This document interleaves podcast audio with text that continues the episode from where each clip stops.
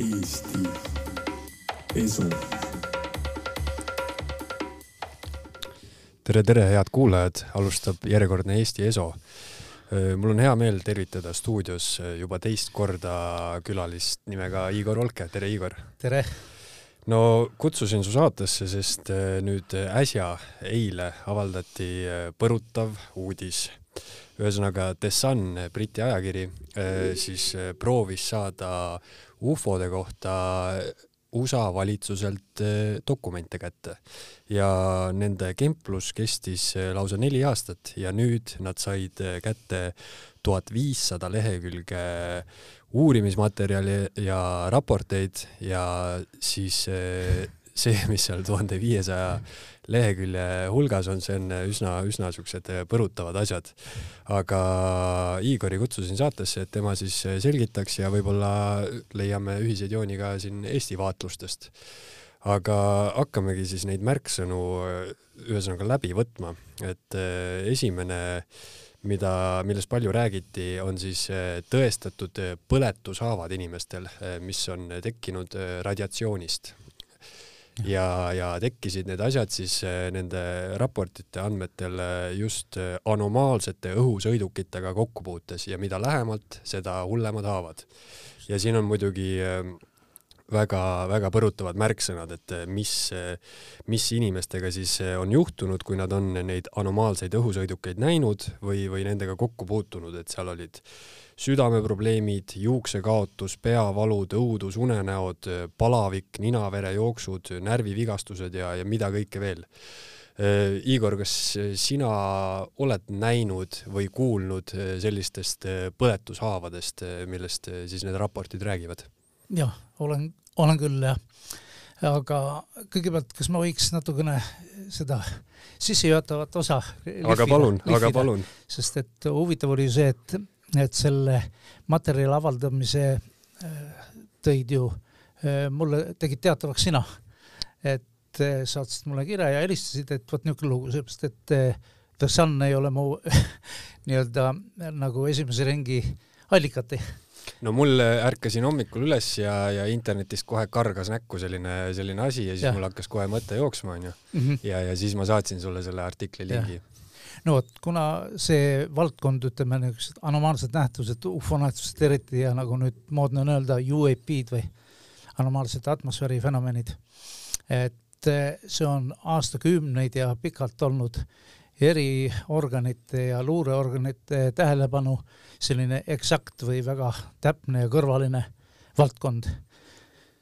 ja, ja siis avalikkusele tuli siin neli-viis aastat tagasi tuli siis niisugusesse allikasse nagu New York Times, tuli siis sellise mehe nagu Louis Elizondo, kes siis Pentagonis juhtis eh, no normaalselt rahastatud uurimisgruppi ATIP nimega, see oli siis eh, õhu, õhuruumis eh, esinevate ohtude uurimise grupeering. Ja see oli siis muidugi puhas niisugune julgeolekuprofiil. Ja, ja selle tulemusena siis jõuti nii kaugele, et et New York Times, hiljem siis CNN ja Fox News kõik avaldasid siis selle Louis Elizondo eh, seisukohad ja siis avalikustati ka selle grupi olemasolu. Ja see viis eh, siis nii kaugele, et eelmise aasta suvel siis Pentagon avaldas siis sellise materjalid ja noh, nüüd natukene süveneme sellesse luuremaailma, et Ameerika Ühendriikides on seitseteist erinevat luureorganisatsiooni, kellel on peakorter. Ja siis seda peakorterit momendil on selle direktriss on siis Avril Hines, niisugune sümpaatne nooremas keskeas daam, kes siis kandis vastutust või kellele anti vastutus siis seda kogu materjali refereerida avalikkusele tehti teatavaks sada nelikümmend neli lehekülge materjali, siis senati ja parlamendi erikomisjonidele näidati mahukamat materjali ja juba ka niisugust, millele juba nüüd The Sun jõudis välja. ja mis oli selle materjali eripära, selle eripära oli see, et, et sada nelikümmend neli juhust, sealt üks läks prügikasti, aga põhiliselt, mis järgi jäid, olid juhused mis olid registreeritud kõik äh, sõjaväe organisatsioonide poolt, see on siis radarvaatlused, lennukiradarid, lennukivaatlused, lennukikandjate ja, ja nii edasi. no vot, et hästi tahke mitmekordsete registratsioonivõtetega kontrollitud ja siis oli küsimus, et noh, et kas see on siis kõik, et kas see rahvuslikule julgeolekule ohtu kujutab või mitte. ja, ja et sellele vastust saada, siis kutsuti siis direktoraadi esinaine välja ja, ja seal siis äh, moodustati niisugune töögrupp ja see töögrupp on siis tänaseks päevaks äh, nagu teinud oma töö, mille esimene etapp on siis äh, suhe avalikkusega, et sealt äh, erinevate luureteenistuste pädevusest toodi välja siis informatsioonid, mis pakuvad siis äh, praegu huvi loomulikult eriorganitele nii-öelda julgeoleku ja äh, ja sõjajõududele ja siis muidugi laiale avalikkusele. avalikkusele on ju tegelikult tsiviilorganisatsioonid juba aastakümneid kõige, kellest noh, kõige eh, populaarsem ja tuntum on siis eh, MUFON, kes on siis kogunud aastakümneid elanikelt seda informatsiooni, kuid kunagi pole mindud eh, no selleni, et sealt saaks anda sinna alla siis selle nii-öelda viisa, et see on usaldusväärsest allikast või niiviisi. aga praegu nüüd tuli materjal siis kuidas öelda, signeeritud Pentagon, see on kõva sõna. seal on jah see Pentagoni tempel all, et see muudabki, on ju selle nii-öelda noh, pommuudiseks. just, jah, et kui me Eestis analoogseid juhtumeid võtame, siis meil, meil ei ole võtta ei siseministeeriumi, kaitseministeeriumi pitsatit ega, ega Eh, kolmest lõvist isegi ühte mitte sinna alla panna. no sa mainisid, et, et on ju eh, pärast, eh, noh, ma usun, et paljud kuulajad, kes, kes selle valdkonna vastu huvi tunnevad, on ja. näinud neid lennukiradarite videosid, mis avaldati, eks ju, millel oli ka justkui Pentagoni tempel all Kindlasti. ja tempel näitas siis seda, et noh, me mhm. tõesti mm. ei tea, onju, mis ja. päritolu need, need asjad seal on, onju. ja, ja siis tekkis see küsimus, mis sa mainisid, et kas see on siis kõik ja kui äh, lugeda seda artiklit, äh, mis mm -hmm. materjali The Sun sai, on ju, et hästi palju dokumente, tuhat viissada lehekülge, et äh, isegi seal toodi välja, et see isegi ei ole, on ju, kõik veel. aga, aga noh, selle tuhande viiesaja hulgas on juba väga palju eriskummalist materjali. et, et ja mis puudutab, on ju noh, igapäevainimesi, tsiviilinimesi, kes on kokku puutunud mm. -hmm ja, ja siis äh, need erinevad äh, sümptomid ja asjad, mis ma siin ette lugesin, et et kui me, kui me nüüd äh, läheme nende juurde ja räägime põletushaavadest näiteks okay,, et mismoodi need tekivad ja kas on ka Eesti inimestel, oled sina kokku puutunud selliste asjadega? olen puutunud kokku Eestis niisuguste juhtum-, kõigepealt vot see materjal, mille ma sulle ukse peal üle andsin, et see on Eesti anomaalsete nähtuste selline eh, kaartregister, sinna on kantud ja grupeeritud siis eh, viis eri kategooriat anomaaliaid, millest kolm tükki on need, mis meid huvitavad ja mis on seotud nagu ufo kategooriaga. Need on erinevad, erineva intensiivsusega valgusnähtused, siis on tundmatud lendavad objektid ja siis on psühho- ja somaatilised, et inimeste kokkupuuted igasuguste imelike objektide, imeliku kujuga objektide ja siis äh, nende, nende antroopsete või nii-öelda inimtaoliste igasuguste olenditega ja siis kaasnevate nähtustega. nii et vot see on kaart, et selle kaardi juurde tuleb tegelikult nüüd eh, selle tänavu aasta esimeses pooles siis eh, minu kokku pandud Eesti nende nähtuste antoloogia, kus siis saab kõiki neid, neid nii-öelda analoogseid eh, Sunni materjale siis kõrvutada. aga nüüd nende põletuste juurde, et, et Ameerika Ühendriikides on niisugune uurija nagu härra Scharbacher ja tema on siis äh, grupi seltsimeestega pikemal perioodil kokku pannud sellise registri ja seal registris nad on eristanud siis äh, selliseid äh, psühho- ja psühhosomaatilisi toimeid inimestele ja tunnistajatele, seal on siis üksikisikute, gruppide, ka loomade niisugused kahjustused või mõjud ja siis neid on ühtekokku kaheksakümmend seitse eri kategooriat, eks ole, millest siis ühe osa moodustavad siis põletusjäljed ja põletusjäljed omakorda jagunevad jälle siis niiviisi, et, et need on kiirgusest või kontaktist eh, tekitatud või kokkupuutest mingi materjaliga. Eestis on äh, teada niisuguseid juhtumeid, kus on, ma tean kolme juhust vähemalt, kus on inimestel olnud objekti nii-öelda tundmatu lendava objekti lähiolu, see on siis niisugune, ütleme seal viiekümne kuni saja meetri kaugusel objektist viibitud inimestel on äh, esinenud siis selliseid äh, noh, nagu äh, UV-kiirguse kahjustusi seal artiklis oli välja toodud, et justkui mikrolaine ahju Just. põletushaavad onju. et see on mikrolaine efekt, mis on nagu ahjust väljas, eks ole, see on siis kõrgsagedusfenomen, siis UV-kiirgus ja, ja siis ka muid niisuguseid soojuskiirgused loomulikult, aga UV-kiirguskahjustused on tüüpilised, nii nagu inimene oleks viibinud ja vaadanud keevitusse, eks ole, keevitusleeki seal on siis, kaasnevad siis silmade punetused, kipitused, silmad jooksevad vett, nahk läheb punakaks, hakkab sügelema, hiljem kestendama ja, ja mõningatel puhkudel on siis need jäljendid on nagu intensiivsemad koos siis selliste juba nahakahjustuste või, või selliste tunnustega. et neid on jah, Eestis kolm juhust kindlasti. oled sa ise näinud neid? Nende neid, inimestega ma olen kohtunud, sellepärast ma tean rääkida.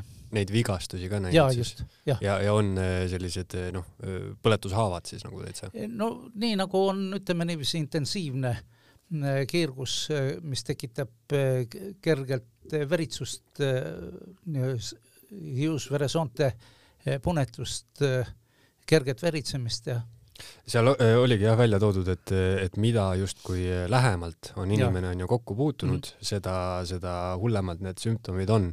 et siin, siin tekibki selline noh, selline üldine küsimus, mida paljud inimesed mõtlevad, et noh, meil võivad, on ju, taevas võivad lennata mingisugused lennukid ja taldrikud ja sigarid ja mis iganes no., on ju, aga, aga siis on noh, konkreetne inimeste kokkupuude nendega, et ja väga lähedalt onju.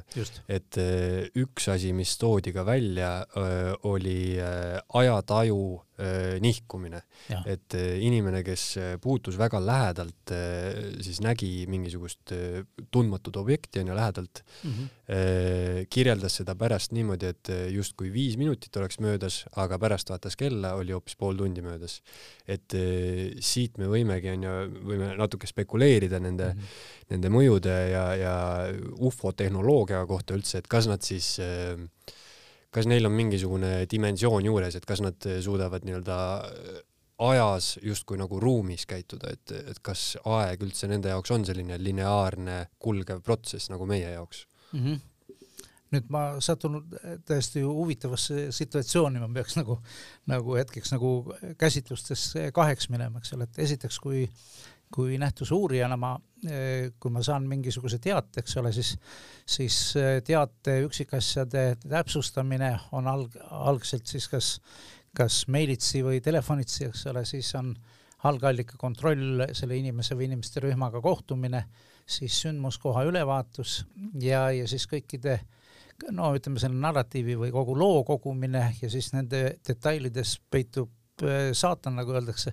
et siis nende üksikasjade kogumine ja sellest siis nagu selle äh, mudeli äh, kokkupanek ja, ja et tahada saada, et mis see tervik endast kujutas, et mis toimus, mis järjekorras, kellele ja kuidas.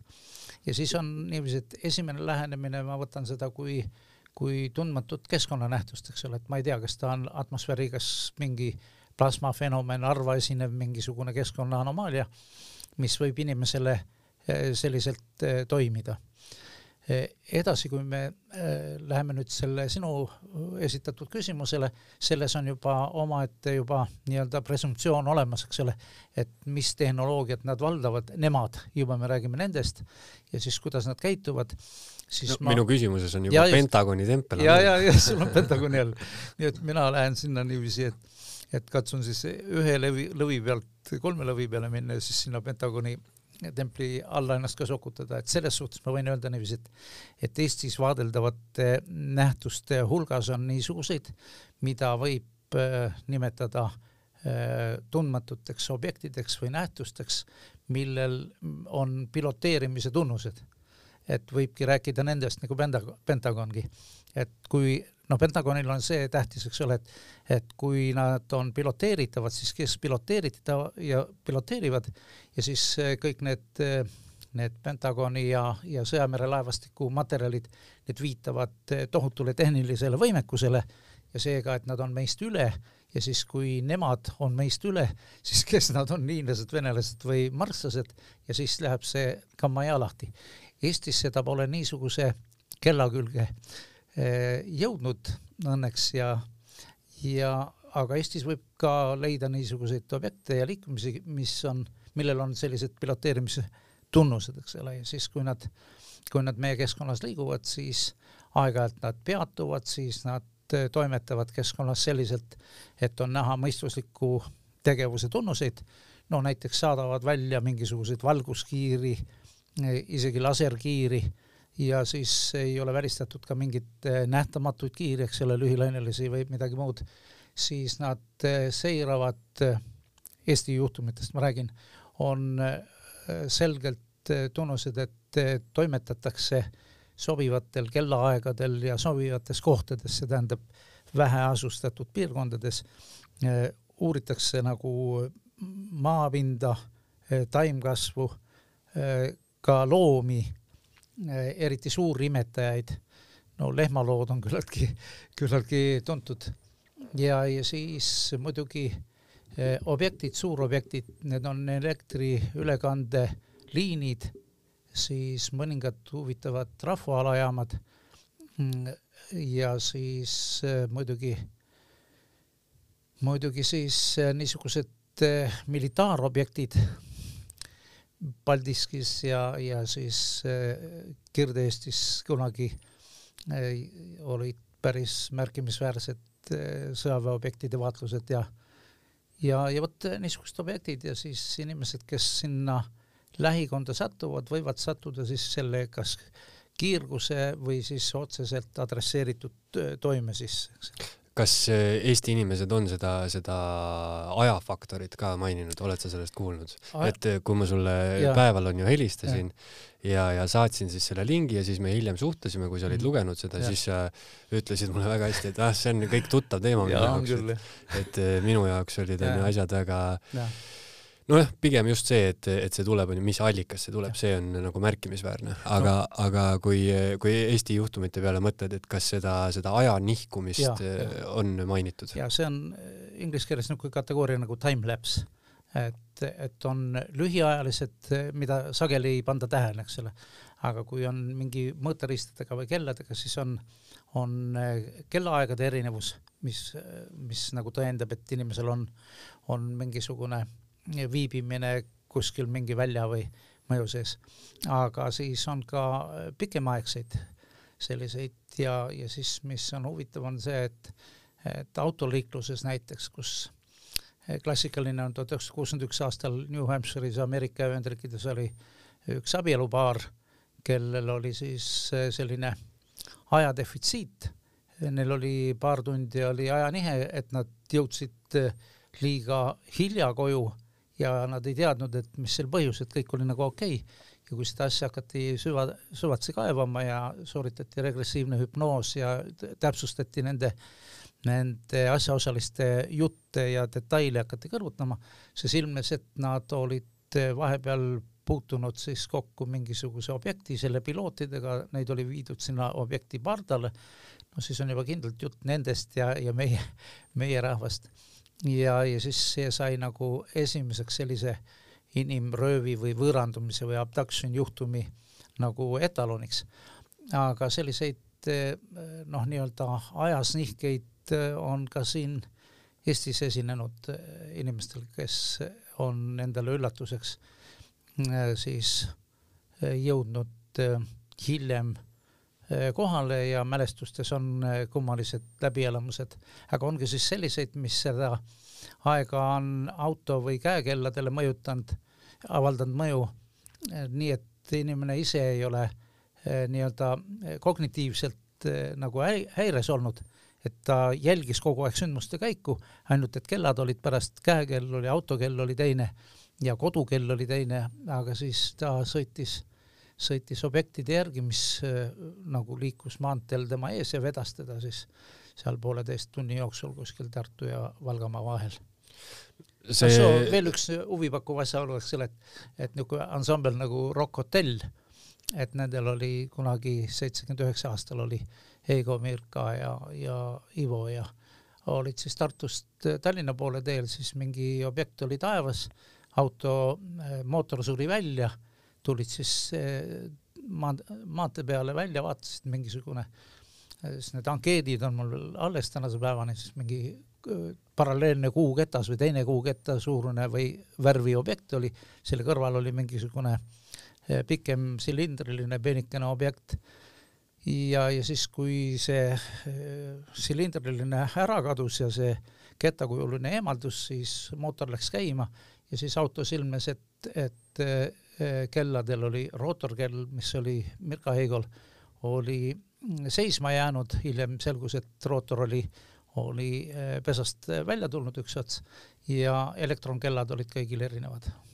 nii et keskkond eh, toimis siis nii-öelda ajamõõdu seadmetele, aga inimpsüühika on juba hoopis omaette väga huvitav ja väga raske on võib-olla seda, seda mõista meil, et, et mulle meeldis selle, selle aegruumi väänamise see ja. paralleel, mis toodi, ma ei mäleta, millises dokfilmis, et kui panna, onju, Äh, bowlingu äh, keegli siuke raske kuul Just. panna onju äh, madratsi peale, siis mm -hmm. noh, kuulil on üks auk, aga see ja. mõjutab seda ja, ümbruskaudset madratsit, et kõik läheb niimoodi onju kaarde ja õõnde onju. et siit võib noh, ilmselt ma arvan, paljud teadlased on, tunnevad ka nüüd huvi selle materjali vastu, mis no, avaldati. Nad tunnevad juba päris ammu et siit võib, siit võib hakata järeldama, et äh, nagu kuidas, kuidas need üldse kosmoses liiguvad, sellised asjad, et mm -hmm. noh, ajas rändamisest ja. oleme me kõik näinud igasuguseid ja, filme ja, ja, ja ulmekaid onju mm, -hmm. et võib-olla see ongi siis niimoodi, muud varianti ei ole onju no see näide, mis sa tõid selle keeglikuuli ja et see on niisugune klassikaline gravitatsiooni ja, ja siis välja, kravivälja näide, eks ole, et ruuduline niisugune kile või tekk ja siis sinna peale see kuul. et kui me seda ette kujutame, siis see on ju ainult üks tasapind, mis deformeerub kera ümber, aga neid tasapindu on ju läbi kera palju ja nad kõik deformeeruvad, see tähendab seda, et, et on olemas mingisugune homogeenne, suhteliselt rahulik ruum ja siis järsku tihenev ruum.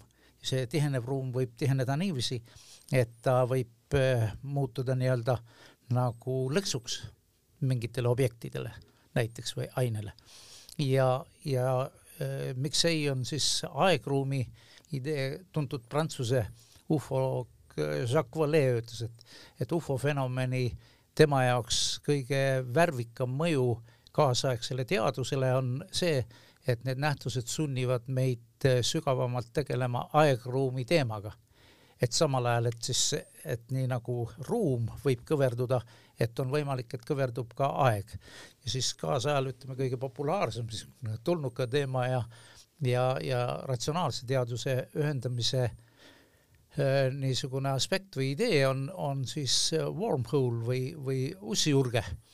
et portaal. portaal jah mm, -hmm. et äh, selline äh, aegruumi ja, ja selline inertsiaalsüsteemi fenomen, mis äh, teoreetiliselt, nagu Stephen Hawking ütles, on võimalik, kuid praktikas ei ole, ei ole äh, teda nagu äh, ei eh, taastatud või teostatud ei laboratoorselt, aga siin nüüd ma võin nii-öelda oma diletantliku kõlli siia vahele panna, et, et ma ei välista, et, et esinevad meie, meie keskkonnas, ka Eestis eh, eh, nii-öelda aegruumi anomaaliad. Ja, ja siis keskkonna mitmemõõtmelised anomaaliad, see tähendab temperatuuri anomaaliad nii nagu atmosfääris on teada nii nimetatud atmosfäärikeeled, et need on suhteliselt eh, atmosfääri mastaapi või mahtu arvestades, nad on vahel poole kilomeetri, kilomeetri pikkused, paarsada meetrit läbimõõdus, niisugused kõrgtemperatuursed eh, kihid või keeled. et see võib olla näiteks nelisada kraadi on see temperatuur.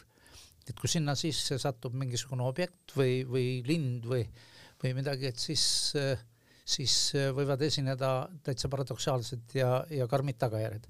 no vot, see on temperatuuri anomaalia, aga siis aegruumi anomaaliatest, et mille järgi me seda ära tunneme, tunneme ära kas eh, mõju järgi loomadele, mõju järgi inimesele, kui inimene satub sinna, ta eh, reeglina tundub, et ei satu kohe sellisesse anomaaliasse või ja aga ta võib selle lähedal olla ja siis tajuda, siis tekivad kõik erinevad füsioloogilised ja psühholoogilised sellised häired, siis kognitsioonihäired, Eh, näeb midagi, suhtleb midagi, kuuleb midagi. no vot ja, ja need on, on teemad, eh, mis pakuvad huvi siis Ameerika Ühendriikides, ma mainisin ühele seitsmeteistkümnest eh, luure valitsusest, see on niinimetatud georuumiline luure ehk geospatial intelligence.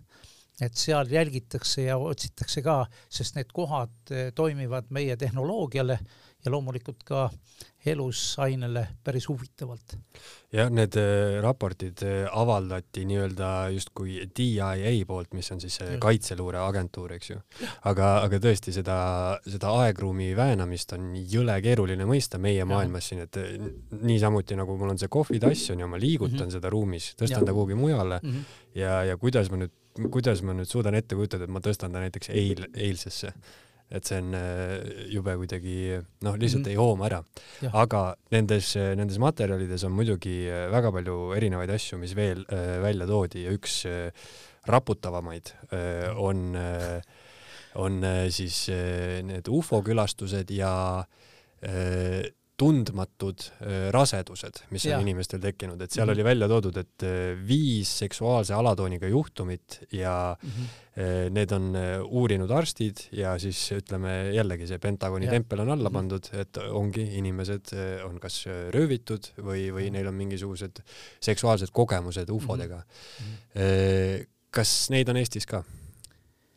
no loomulikult ma olen varasemates esinemistes alati noh, vihjamisi, kellel on kõrva jäänud, kellel mitte, eks et Eesti on anomaalsete keskkonnanähtuste eh, esindatuse poolest väga värvikas, meil on kõik kategooriad esindatud ja mitte vähe, et kui, kui nüüd Pentagoni templi taga on ainult viis juhtumit, siis ma ütlen, et meil on Eestis äh, umbes sama palju eh, kahtlustusi, et ma ei saa öelda juhtumeid, seepärast et, et nad ei ole nii kindlasti menetletud või kontrollitud kui, kui sealmaal.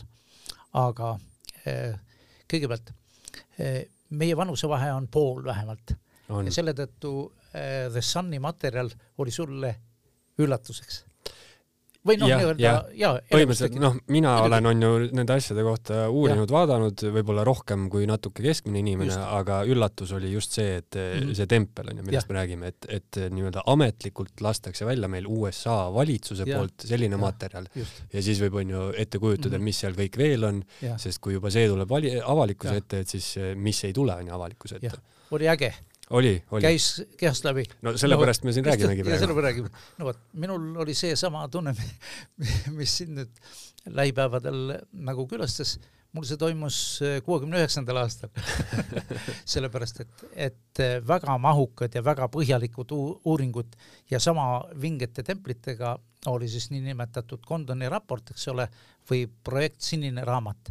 vot see oli siis niiviisi, et äh, sõjaõhujõud tõmmati tervenisti käima, siis kavala, kavalalt hakati, seda rahastas siis sõja õhujõud, aga materjalid toimusid tegelikult nagu, nagu kolmel tasandil. Ja, ja siis see projekt Sinine raamat, see jäi nagu avalikkuse tähelepanusse, see lõppes siis kuuskümmend üheksa aastat sellise kokkuvõttega, et ohtu rahvuslikule julgeolekule ei kujuta, et, et magage hästi ja rahulikult, et, et kõik on kontrolli all ja teine, et teadusliku uurimise seisukohast, et noor põlvkond ja teadlased, ärge eriti muretsege, et, et ei ole perspektiivne, et siin on mingisugune erroriga tegemist. tegelikkuses oli hoopis midagi muud. et need eh, kaks teist kategooriat materjali, need ei ole siiamaani avalikustatud ja sellele viitas Stanton Friedman kunagi, kes sai tutvuda ja, ja sai ainult noh, nagu viidata sellele. ja need materjalid on, on nendes ringkondades äh, ammu olemas ja siis kõik need kihiti, need eh, no näiteks niiviisi, tuhande üheksasaja viiekümne teisel aastal on Lõuna-Aafrikas Vabariigis oli niisugune daam nagu Elizabeth Klarer, kes rääkis oma loo ära, et ta kohtus või nägi niisugust lendavat objekti, siis selle maandumist, siis teda võeti pardale, viidi kuskile ära, siis ta käis ära, siis ta sümpaatse selle laeva komandöri, nende juhiga siis semmis ja pärast astus niisugusesse intiimsesse vahekorda. Nad olid tõsiselt armunud ja siis nendel sündis ühine poisslaps, keda siis see, see niinimetatud tulnukas aeg-ajalt külastas ja, ja ta andis poisslaps, kelle isa on siis sümpaatne tulnukas. just nii, jah, täpselt niiviisi oli see formuleeritud mm -hmm. ja siis seda asja jälgiti, uuriti, eks ole, ja see materjal jäeti täiesti noh, nii-öelda isoleeritud äh, ringi. et põnev oleks vaadata seda, seda poissi, eks ole, ja, ja, ja vaadata, mis tast saanud on, sest peaks praegu juba päris kõris eas elama. no see oli äh, minu esimene mõte, kui ma lugesin nende nende nii-öelda tundmatute raseduste kohta, mida mm, -hmm. mida seal oli siis äh, viis tükki on ju mainitud.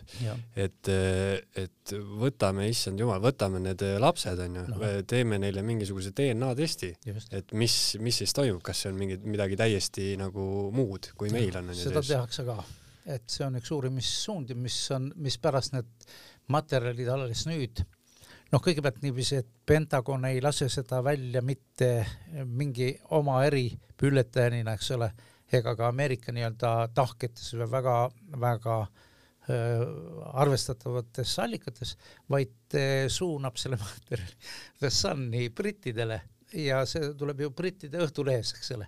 sisuliselt niisugune korralik, hästi suure tiraažiga üle maailma, kolm pool miljonit tiraaž, eks ole, tabloid ja, aga jõuab vaat kuhu välja ja mille tulemusena siin me oleme. Ja nüüd hakkame siis seda saladust edasi koukima, eks ole, et palju siis on e-, Eestis juhtumeid, mis on äh, saanud äh, nendest äh, rasedustest, seal esinevad rasedused, seal esinevad raseduste katkemised, seal esinevad nii-öelda poolkandmised ja siis loote kadumised, ka noh, Eesti juhtumites, eks ole mis on ülipõnev ja, ja miks ta on niiviisi diskreetne ja saladustes olnud ja nüüd tuleb peale siis Pentagoni nii-öelda sõja õhujõudude ja sõjamere laevastiku materjali tuules tulevad need lood välja, sest et eh, nendel on terve rida aspekte, mis on, on eriti põnevad ja ütleks siis skandaalsed, see on siis eh, projekt, mida, mida luureorganid väga tõsiselt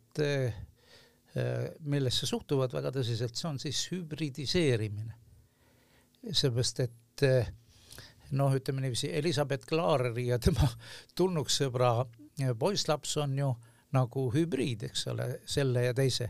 ja sama ei ole välistatud, et meil on mitmeid seksuaalse alatooniga juhtumeid ka Eestis, eks ole, kus on äh, on eh, võimalik kahtlustada, et on eh, noh, eral-, eraldatud või ära võetud siis embrüo või siis on ka nii-öelda seemnevedeliku eraldamine, eks ole, kuna need valdkonnad lähevad kokku psühhopatoloogiliste valdkondadega, kus on inimestel noh, ütleme peaga mitte kõige paremini, öeldakse, tuules sasitud ja seal on siis eh, seksuaalpatoloogiad ja fantaasiad on äh, on vägagi sagedased, siis on hea need kokku panna ja ühte prügikasti visata, eks ole, aga siin peab olema siis nii samamoodi peen ja delikaatne siis nagu Ameerika need uurimisorganisatsioonid, kes selle hübridiseerimise teemaga tegelevad.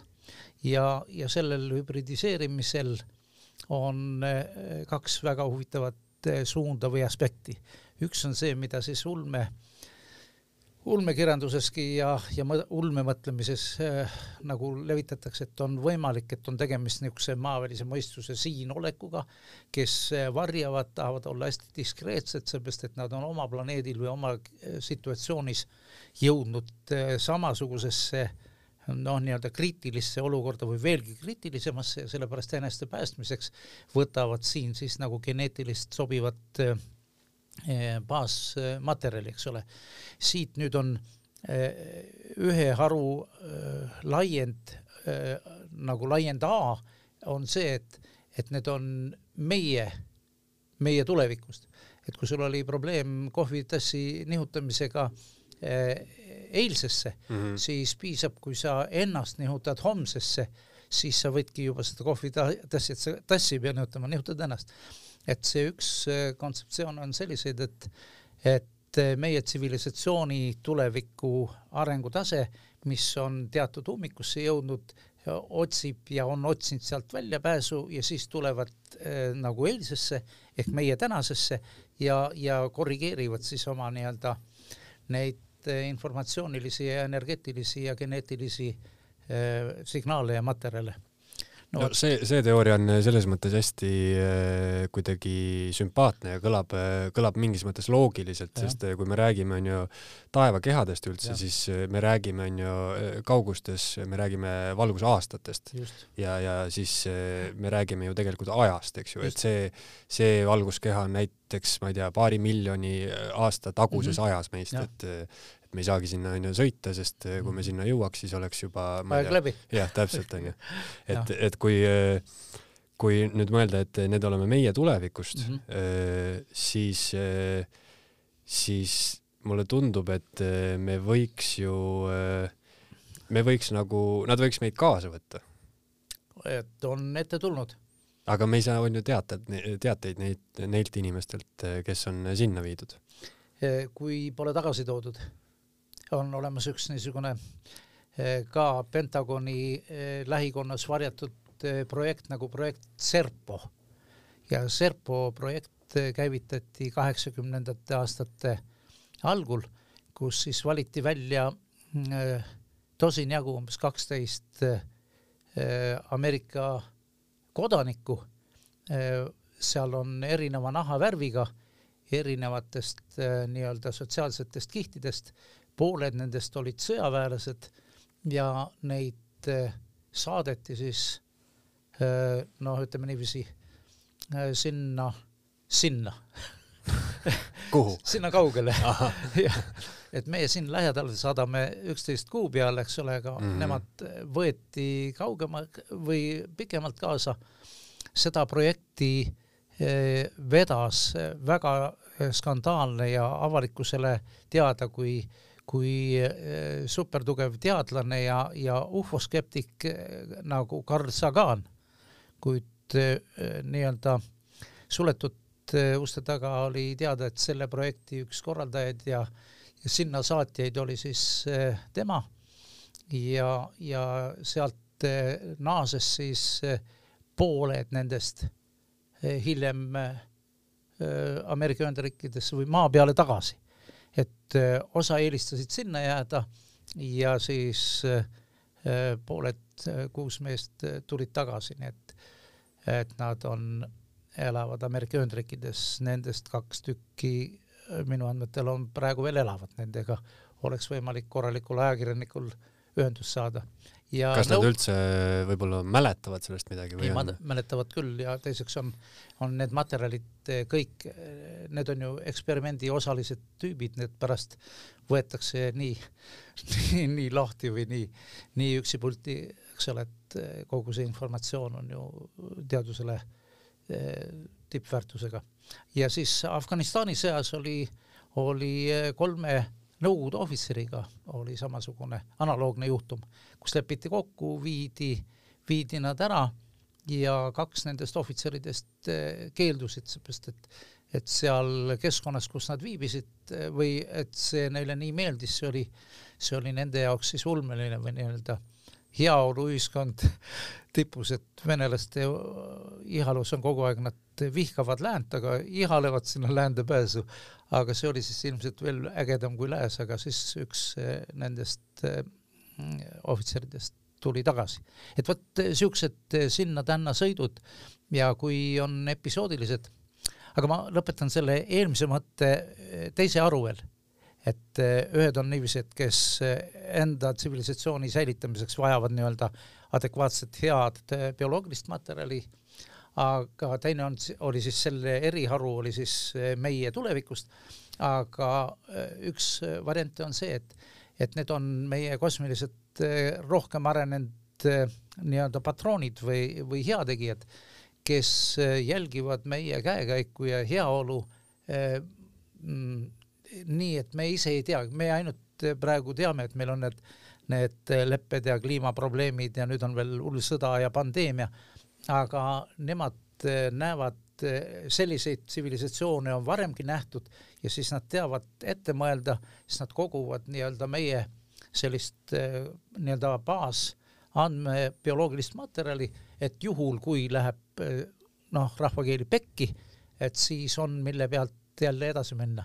nii et Eesti eh, juhtumite pealt ma võiks öelda, et et meil on mingisugune materjali kogumine on vist meie aladelt toimunud, et, et ta isegi, et on lõpetatud, et oli märgatav siin enne aastat kaks tuhat eh, hakkasid need vaatlused, sellised tegevused nagu vähenema.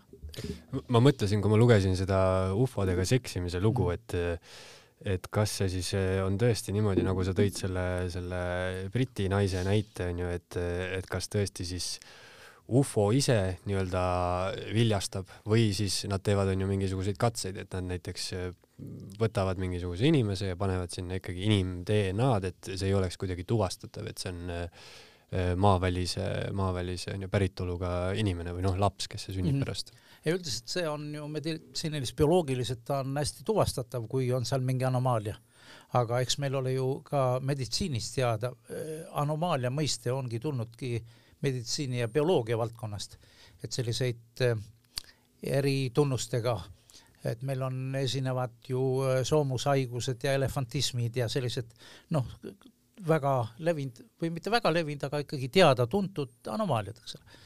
nii et no kui me, kui me võtame, on ju neid äh, harusid, millest sa rääkisid, et mm, -hmm. et siis on, kui me võtame, on ju selle, et äh, meie tulevikus äh, ja. tuleme siia tagasi, on ju, et no. siis, siis võib-olla tõesti see ei ole tuvastatav, sest noh, kui see oleme meie tulevikus, siis mm kõik see on ju geenimuster ja asi võiks olla on ju samasugune.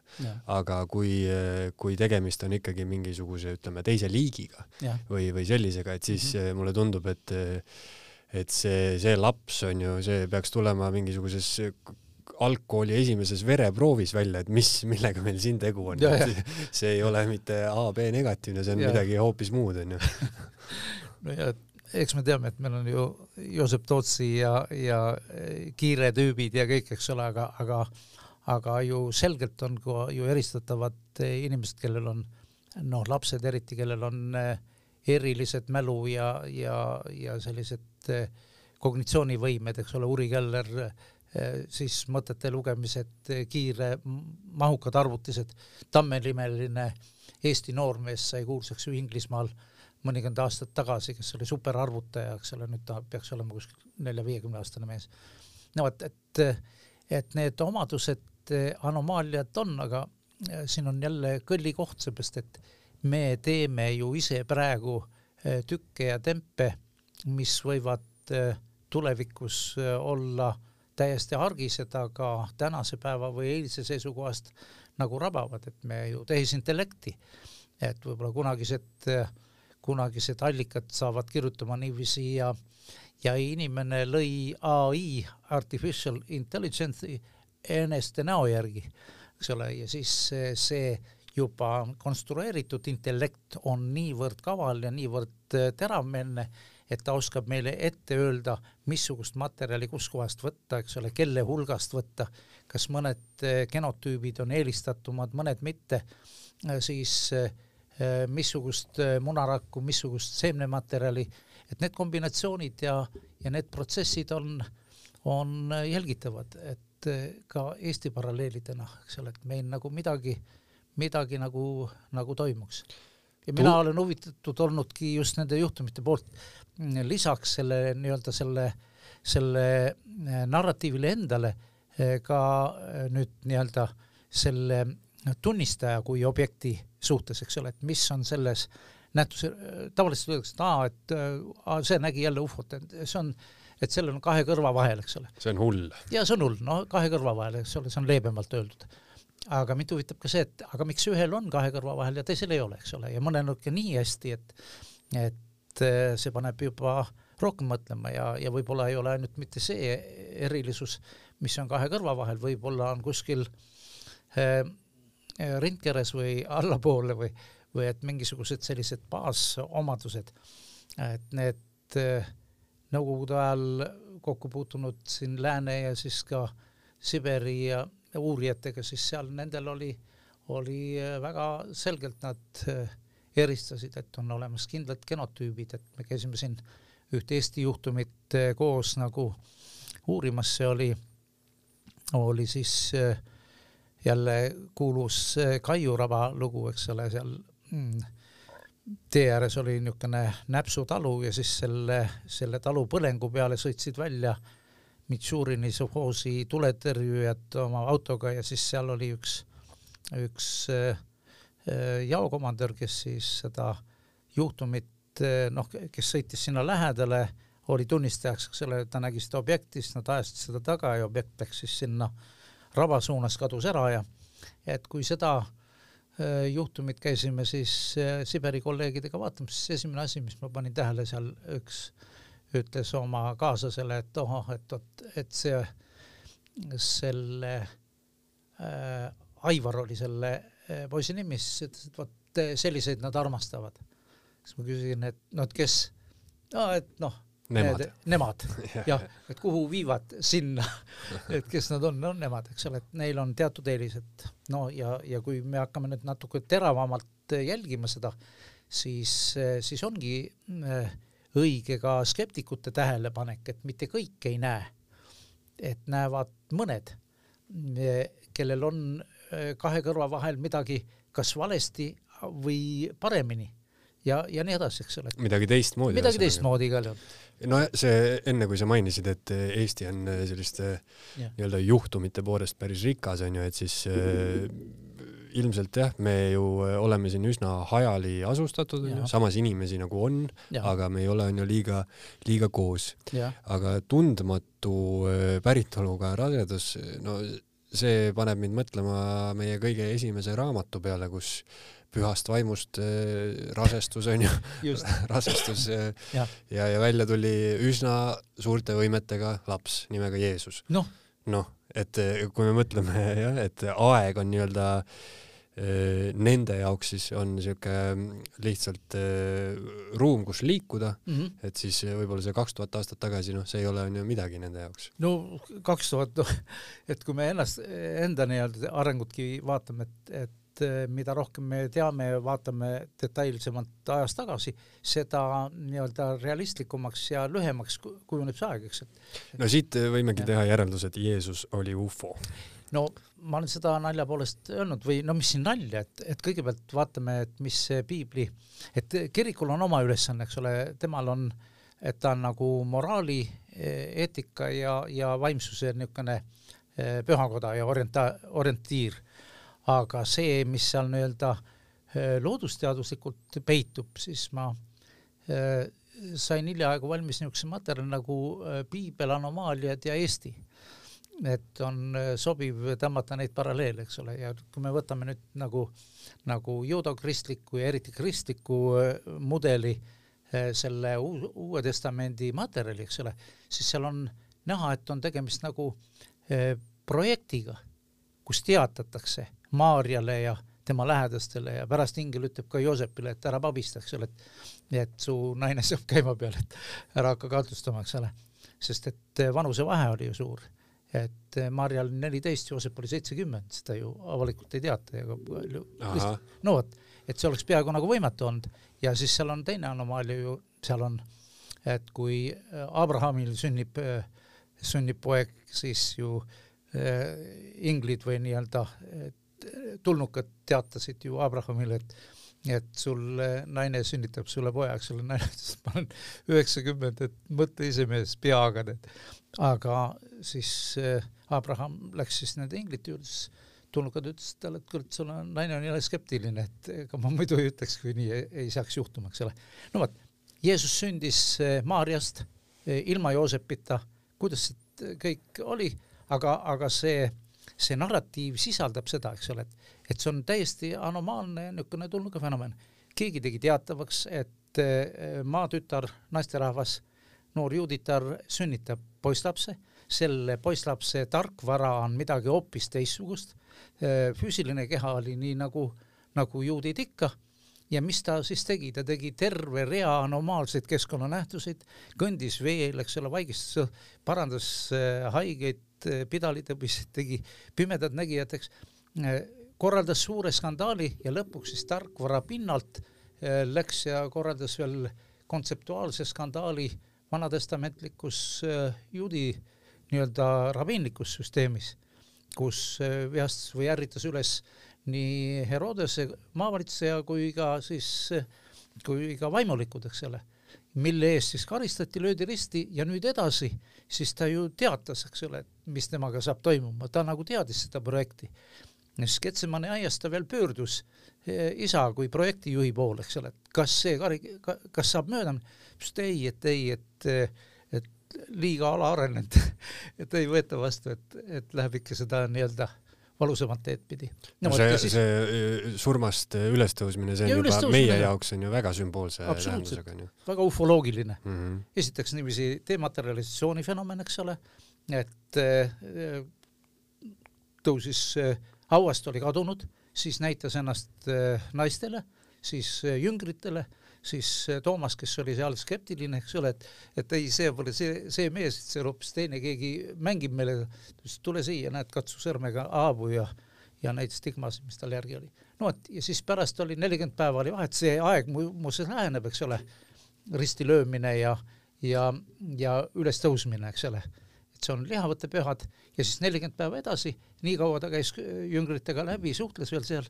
Ja siis äh, näitas, kuidas ta taevasse läks ja selle kohta on siis kiri räägib, et, et äh, läks pilve peal, eks ole.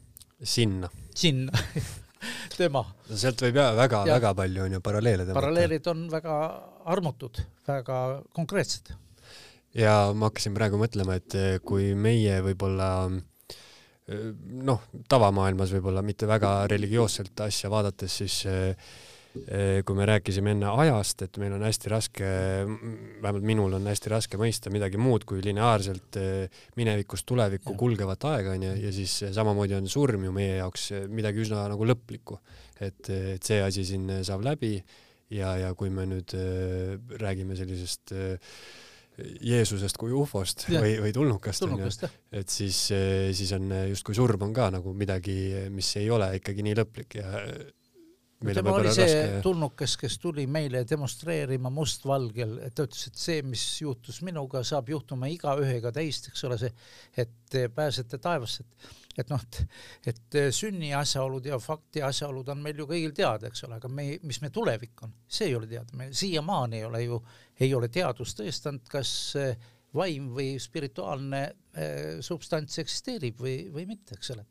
et äh, see, kui, et mullast oled võetud mullaks saad, eks ole, see, mis on läinud või krematooriumi kaudu, aga ega see ei puuduta ju tarkvara.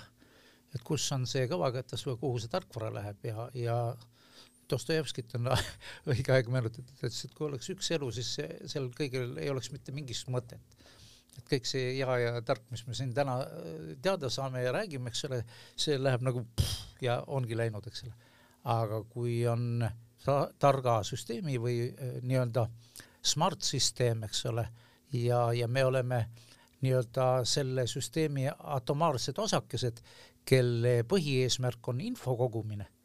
et praegu me elame aine ja energiamaailmas, aga me liigume informatsioonimaailma suunas ja vot siis ongi niiviisi, et et uued perspektiivid ja väga põnevad väljavaated.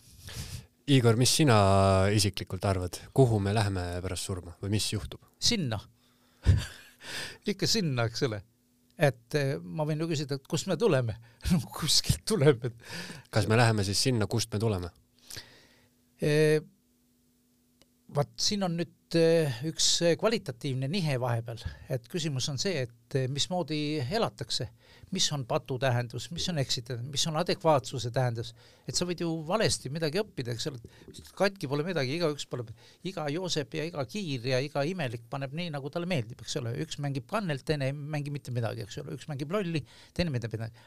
aga see, kuhu ta sellega välja jõuab, see on täiesti erinev, eks ole ja miks siis ei peaks olema kogu eksistents selliselt orienteeritud, et, et kvalitatiivsed nihked sõltuvad nendest valikutest, mis me siin maa peal teeme eks ole, et, et eh, tänaste hoiakutega me programmeerime eh, võimalik, et eh, endi homse nii-öelda leveli või selle asupaiga. nojah, võib-olla siis on võimalusi rohkem kui lihtsalt need taevas ja põrgu nii ma arvangi jah, et, et selles mõttes, et, et kuidas öelda, et noh, et rehkendusi, et kui jõukohane ei ole, et siis tee pooled rehkendustest või kui muidu aru ei saa, siis ütled, et on must ja valge ja on hea ja halb ja on põrgu ja taevas, eks ole. pühakirjas samas allikas on ju viited, eks ole, Jeesus ütleb jüngritele, et, et, et mu isal on palju eluasemeid. mis, mida, mis see nüüd tähendas? eks ole, et, et tema oli ühel eluasemel ja viitas, et papsil on veel teisi eluasemeid, inglise keeles many mansions, eks ole, palju mõisaid mõtlesin, et vau, vot seda ja selle, selle positsiooni või selle äh, kõlli on ju üles võtnud siin viis aastat tagasi siis äh, Vatikan. et praegune paavst ja enne teda tehti ju Vatikanis avaldus, eks ole, et, et maaväline äh, elu eksiste-, eksisteerib ja, ja tulnukad on meie kosmilised õed ja vennad. Ja siis lisati, et võib-olla veel ilma esmase patuta see tähendab, et see patu kategooria, meie saame nii-öelda nagu totupotud sellest patust aru, et, et see võib tähendada ühte ja teist ja, ja kangesti nagu moraali. aga eks seegi ole patt, kui sa paned ikka puusse niisama ja ei täida liikluse eeskirju, et siin pole moraaliga midagi. et me lihtsalt mängu ja mängureeglid ei tunne, et liiga madallalaubalised, et kõrvade vahelt tuleb nagu kosutada ja teravamaks vii-, lihvida no äkki nüüd see avaldatud materjal äh, avab see meie silmad. kaasa. mis, mis sa arvad, äh, mis selle, see on selles mõttes nagu äh, USA valitsuse poolt kõige mahukam ikkagi materjali hulk, mis on nüüd nii-öelda avalikkuse ette toodud, et mis, kas sa arvad, et siit kui sa esimest korda käisid saates, see oli juba peaaegu kaks aastat ja. tagasi, et siis, siis ma panin saate pealkirjaks, et ufode olemasolus ei saa enam kahelda. ei saa kahelda. et, et nüüd põhimõtteliselt nüüd saab veel vähem kahelda. no nüüd me ei kahtle, nüüd me juba kaevame siis.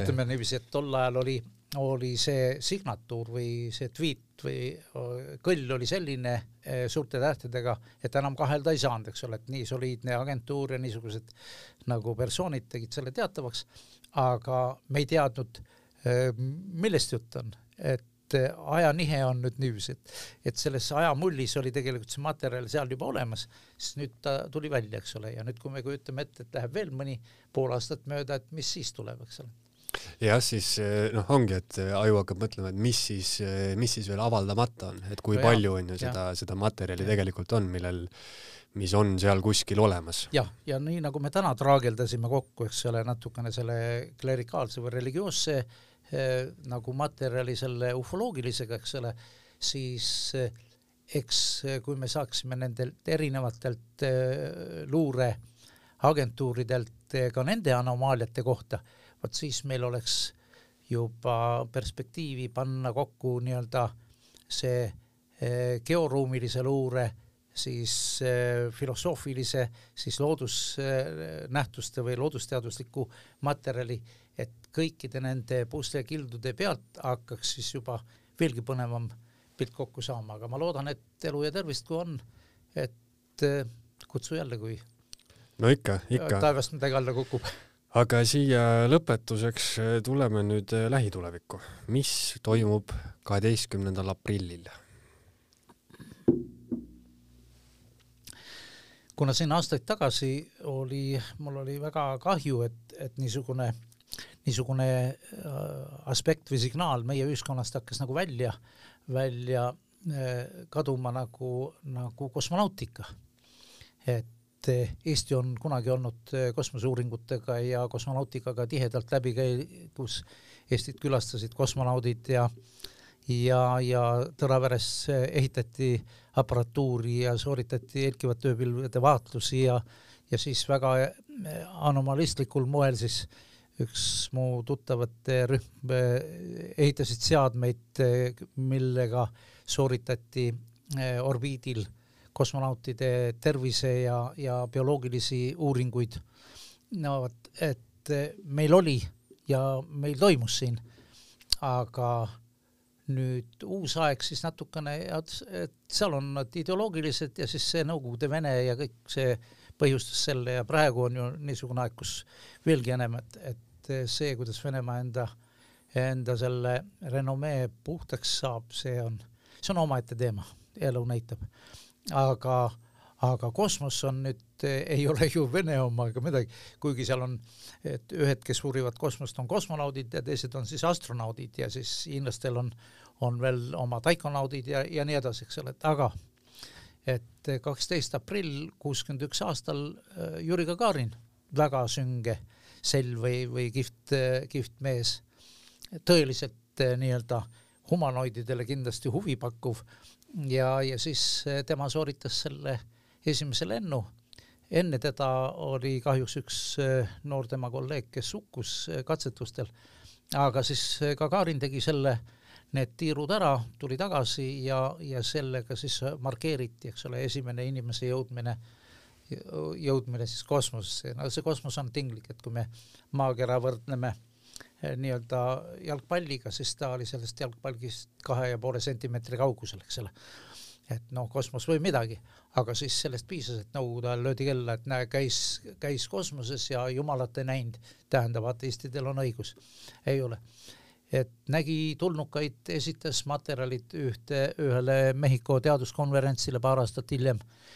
Infi vahetati Teaduste Akadeemia selliseid kinniseid kanaleid pidi ja kosmonaudid, nii palju kui mina, kellega olen kokku puutunud siin Pavel Popovitši ja Hrunovi ja ja, ja mitmete teistega, nad olid kõik, paljud olid nendest usklikud, nendel oli eriluba ristida oma lapsed Äh, käia kirikus ja, ja siis, siis nad olid muidugi ufo fännid, sellepärast et paljudel olid isiklikud vaatlused, vaatlused kolleegidel, kuna valdavalt oli ju tegemist äh, sõja, sõjaväepilootidega, siis oli seal võiduajamisi ja ufode tagaajamisi ja, ja eestpõgenemisi ja kõik, et, et see oli seltskond, ainult et nad ei tohtinud seda siis meiesugustele jagada, aga vot ja nüüd siis see kaheteistkümnenda aprilli eh, see markeeritud päev, et ta, tahame seda teletornis siis tähistada seal kolme-nelja ettekandega, et eh, räägime eh, lennunduse perspektiividest, arengutest tuleviku suunas ja droonitehnoloogiast ja siis räägib, Argo Kordon räägib siis meile Eesti satelliitide ja Eesti osalusest kosmoseuuringutes siis palusin, et Ingrid Peek tuleks, räägiks siis nii-öelda noore emana vaade kosmosesse ja vaade maale. et kuidas siis see mehelik aspekt kui kosmose vallutamine ja naiselik aspekt kui emaks olemine, kuidas neid filosoofiliselt integreerida. ja kui aega jääb ja auditoorium lubab ja peale meie tänast saadet eh, mu peale pahaseks väga ei saa, siis äh, püüan äh, tutvustada niisugust ideed või materjali, et meid jälgitakse. Ühesõnaga neid ettekandeid saab siis kuulda ja saab kas igaüks võib, võib sisse astuda kaksteist aprill? seal pannakse see info välja, et Teletorn korraldab seda ja, ja, ja, ja. Jüri Kriisemann lubas need info välja panna, teemad ja siis ajad, ma arvan, et see on kuskil peale kuut mm. -hmm. et kaheteistkümnendal teisipäeval nii et äh, huvilistel siis on võimalus äh, minna kuulama huvitavaid äh, ettekandeid. kõik, kellel see viirus on, nagu sinulgi ja minul, et, et on oodatud ja, ja mis see ikka on, et see, see ei ole midagi uut, et see viirus esines aastatuhandeid tagasi, neli tuhat aastat tagasi on teada Babyloniast üks niisugune kõll, et et soovitus lapsevanematele, õpetage oma lastele taevatähti, see õilistab nende hinge selle soovitusega täna lõpetamegi. aitäh sulle, aitäh sulle, Igor, et tulid ja, ja selgitasid natuke seda, seda müstilist maailma. olge lahti. Eesti Esu